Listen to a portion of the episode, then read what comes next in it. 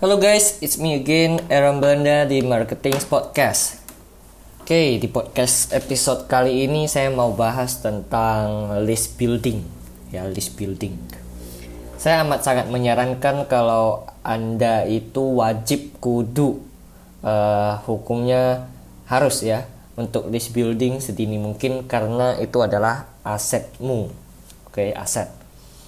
Nah, apa itu list building? List building itu adalah uh, proses membangun list ya ataupun database calon konsumen yang kelak akan jadi aset Anda. Oke, tepatnya itu aset digital. Ya, aset digital itu banyak macam.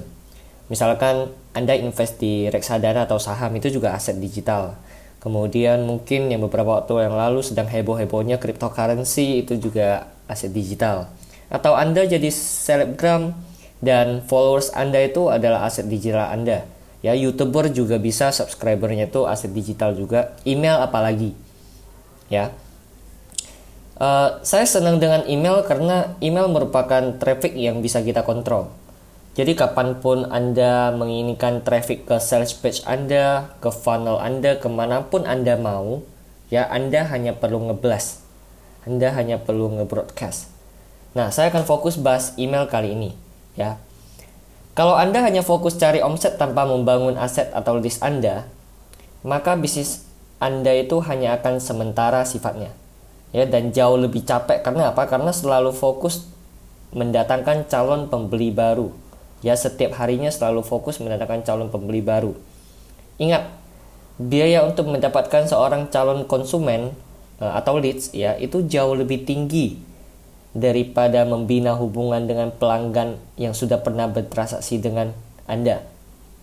Ya.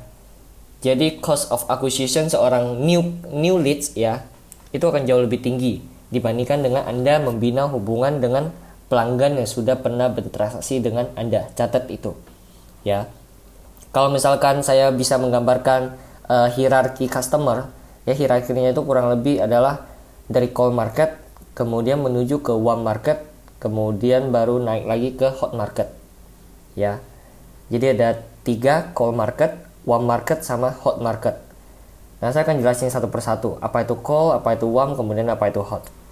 Nah, call, call market seperti uh, apa ya? Mereka itu tidak mengenal siapa Anda. Ya, orang-orang yang berada di call market itu mereka tidak mengenal siapa Anda. Contohnya, misalkan ketika Anda beriklan menggunakan uh, jasa paid promote ataupun endorse di Instagram ya atau mungkin Anda menggunakan Facebook Ads dan menyasar orang-orang yang sama sekali belum tahu siapa Anda. Itu call market. Ya. Biasanya orang-orang yang berada dalam call market itu mereka belum tahu masalah yang mereka alami itu apa aja. Ya, dan oleh karena itu dalam tahap, tahap ini mereka itu cenderung tidak akan langsung membeli produk Anda. Oke. Okay? Mereka tidak akan langsung beli ketika mereka melihat iklan Anda karena mereka belum tahu siapa Anda. Ya. Di tahap ini Anda butuh untuk mengedukasi mereka. Itu hukumnya wajib. Ya, Anda harus memberikan konten, Anda harus terus terusan memberikan value agar mereka tahu kalau sebenarnya itu mereka punya masalah A, B, C dan seterusnya. Oke. Baru kemudian setelah mereka mencoba menambahkan Anda ke dalam kontak mereka, uh, lewat WhatsApp mungkin atau mungkin jadi followers Anda di Instagram, di di mana di Twitter atau mungkin gabung ke dalam grup Anda di Telegram atau mungkin subscribe ke YouTube Anda, ke YouTube channel Anda. Ya. Uh, atau mungkin mereka opt-in ke dalam uh, email list Anda, maka mereka baru akan menjadi warm market. Ya. Saya ambil contoh begini. Misalkan call market itu contohnya ya ada seorang pedagang di pedagang toko handphone di Roxy ya. Dan kalau misalkan anda langsung misalkan anda punya produk anda bergerak di bidang konsultan bisnis misalkan kemudian anda langsung nyasar ke mereka mereka cenderung tidak akan membeli jasa anda. Mereka tidak akan menggunakan jasa anda. Karena kemungkinan mereka tidak tahu permasalahan mereka itu ada di mana.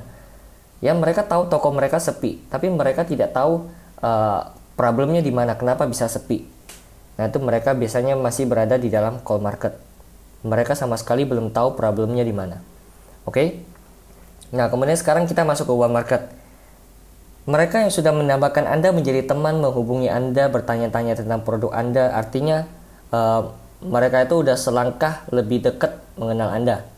Ya, mereka sudah mengenal Anda selangkah lebih dekat.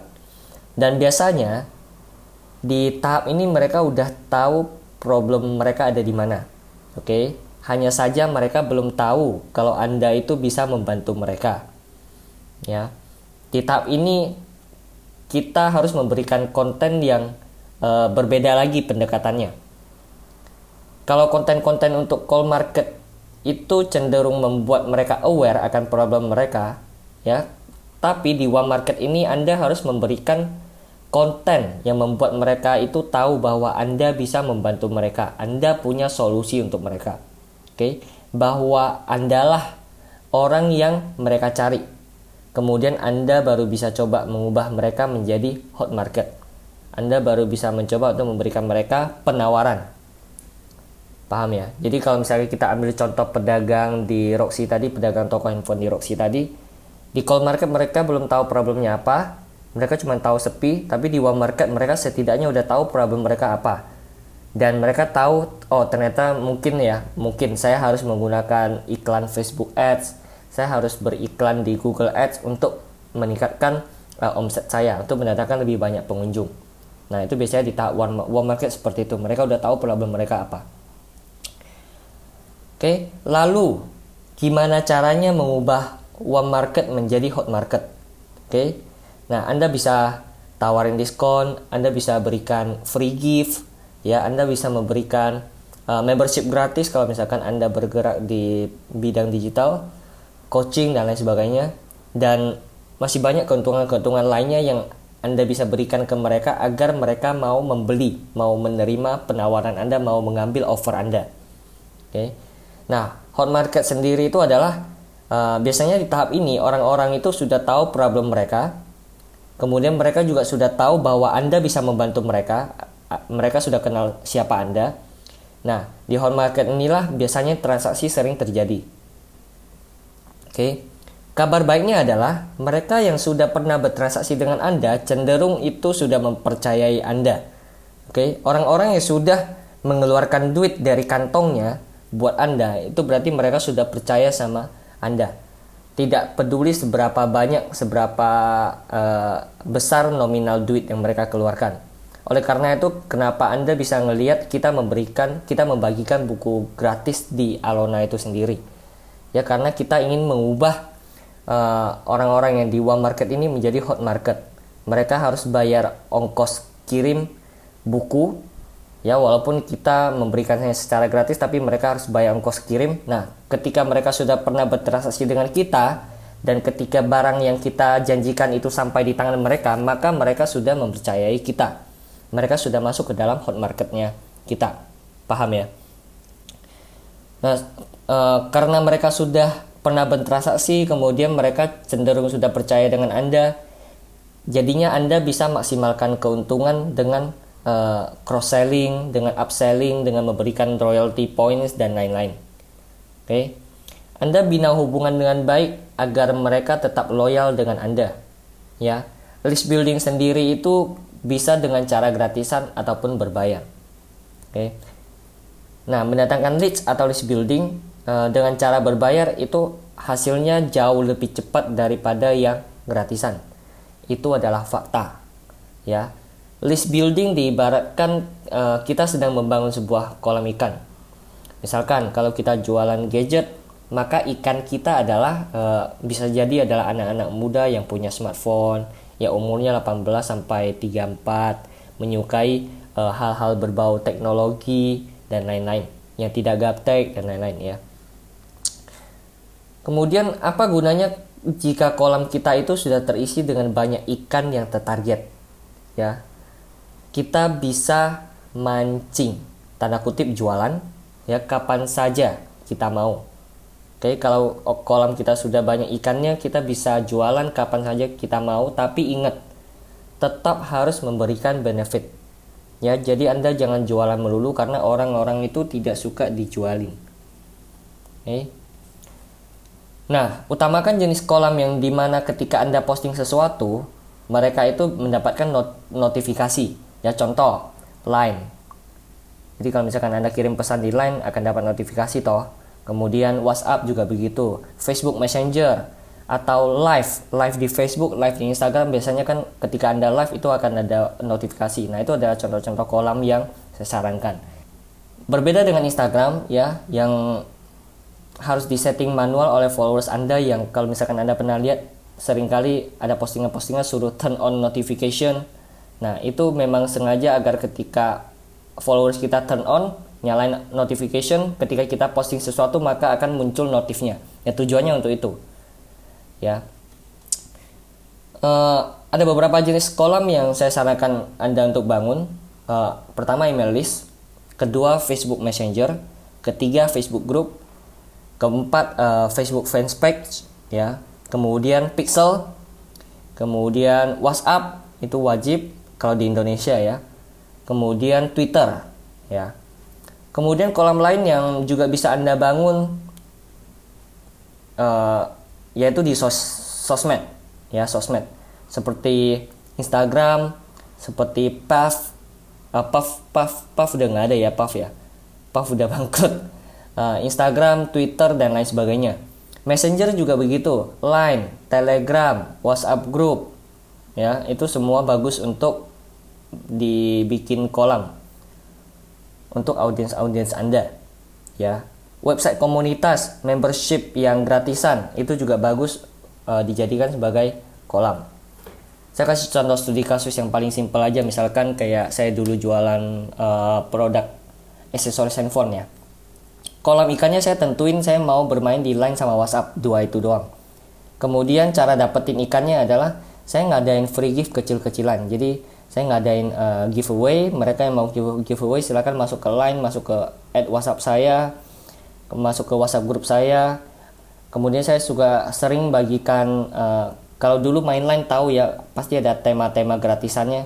Nah itu saya bagikan secara cuma-cuma ke mereka. Kemudian ada aplikasi smartphone premium yang saya gratiskan ya. Jadi aplikasi-aplikasi seperti VSCO VSCO itu kan berbayar Nah, tapi saya gratiskan siapa yang mau gabung di WhatsApp grup atau lain saya, saya saya berikan gratis buat mereka. Nah, itu adalah cara-cara untuk mendapatkan ikan. Dan pastinya mereka yang yang bergabung itu adalah mereka yang tertarik dengan hal-hal teknologi yang ibaratnya 24 jam nggak bisa lepas dari handphone. Ya. Sehingga kemungkinan untuk membeli produk aksesoris handphone saya akan lebih tinggi. Makanya saya nyasar orang-orang seperti itu. Nah, kemudian kasih makannya seperti apa? Nah, Anda bagikan tips dan trik tentang seputar gadget, kemudian gak harus gadget kok. Anda bisa ngasih kutipan-kutipan lucu atau motivasi yang disukai oleh mereka. Ya, yang nyambung dengan mereka. Nah, kemudian baru kita mulai pancing, pancing ikan, yaitu jualan produk aksesoris kita. Oke. Okay? Uh, eh, pada dasarnya adalah banyak list, banyak rezeki. Jadi Anda jangan hanya fokus ke omset, Anda harus bina list, maka omset Anda akan datang dengan sendirinya. Kalau kata orang, uh, money is in the list, tapi menurut saya the money is in the engage list. Ya, percuma kalau punya list yang banyak tapi tidak engage. Oke? Okay? Anda tidak pernah memberikan konten, Anda hanya kirim pesan ke mereka ketika Anda mau jualan, itu tidak akan works ya percaya sama saya. Anda, adanya anda akan sering di unfollow sering di report spam dan lain sebagainya. Eh paham ya? Jadi jangan sayang duit untuk ngumpulin leads apalagi list email karena itu adalah aset yang sangat berharga dalam bisnis. Oke sekian untuk podcast kali ini. Semoga bermanfaat. Jangan lupa marketing hari ini